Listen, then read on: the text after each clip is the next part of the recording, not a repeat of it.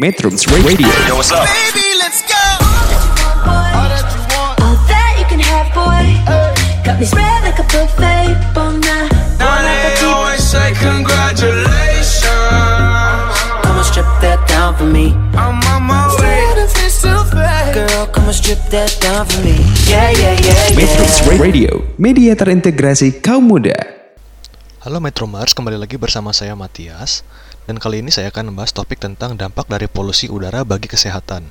Topik ini akan membahas tentang bagaimana polusi udara dapat masuk ke dalam tubuh kita Kemudian apa saja dampak dari polusi udara tersebut Dan juga bagaimana kita dapat menghindari terkena dampak dari polusi udara. Untuk mengetahuinya lebih lanjut, mari kita simak bersama pada podcast kali ini. Indonesia termasuk dalam negara dengan polusi udara yang tinggi Polusi memiliki zat yang mempunyai efek berbahaya atau beracun pada lingkungan. Apakah kalian tahu bagaimana polusi mempengaruhi badan kita? Terdapat dua cara polusi memasuki. Yang pertama, point source, di mana polutan berasal dari satu sumber seperti emisi pabrik. Yang kedua adalah non-point source, di mana polutan berasal dari banyak sumber seperti mobil. Terdapat dua jenis polutan, di mana polutan primer adalah polutan yang dapat menyebabkan kerusakan secara langsung atau bereaksi di udara untuk membentuk zat yang merusak. Dan polutan sekunder, di mana polutan terbentuk sebagai hasil reaksi antara polutan primer dan komponen udara. Tiga organ utama yang dipengaruhi oleh polusi udara adalah tiga organ yang sangatlah penting, seperti paru-paru, jantung, dan otak. Polutan di udara adalah molekul-molekul kecil yang dapat dengan mudah masuk ke dalam tubuh di saat kita bernafas.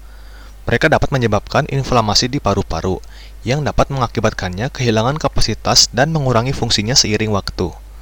Penumpukan polutan ini dapat menyebabkan penyakit pada paru-paru kita seperti asma, emfisema, bronkiolitis, bahkan kanker. Terlebih lagi, molekul buruk ini bisa masuk ke aliran darah seperti membuat jantung kita stres dan bekerja lebih keras untuk berusaha menyediakan tubuh dengan jumlah normal oksigen. Molekul-molekul ini bisa menyebabkan inflamasi dan konstriksi pada pembuluh darah, yang bisa juga menyebabkan stroke jika pembuluh darah yang terlibat berhubungan dengan otak. Selain itu, molekul-molekul ini bisa memecahkan plak yang sudah terbentuk sebelumnya di pembuluh darah akibat pola makan yang tidak sehat dan mengakibatkan blokir pada pembuluh yang terlibat. Hal ini dapat menyebabkan kondisi yang mengancam nyawa seperti serangan jantung maupun stroke. Biasanya, mereka yang rentan terhadap masalah kesehatan akibat polusi udara adalah mereka yang mempunyai kondisi pada jantung dan paru-paru, ibu hamil, pekerja di luar ruangan, orang tua, anak di bawah usia 14 tahun, dan atlet yang berlatih di luar ruangan. Jadi bagaimana cara kita menghindarinya? WHO menyarankan kita untuk melakukan 5 tips untuk menghindarinya.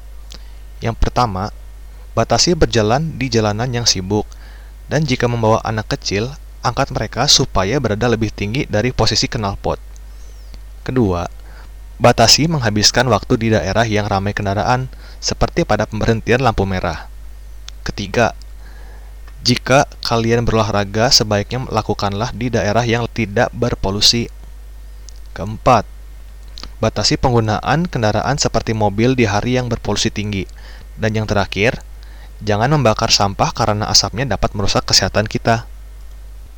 Oke Metromers, mari kita bersama-sama melakukan peran kita dalam menjaga lingkungan, agar lingkungan pun bisa menjaga kesehatan kita.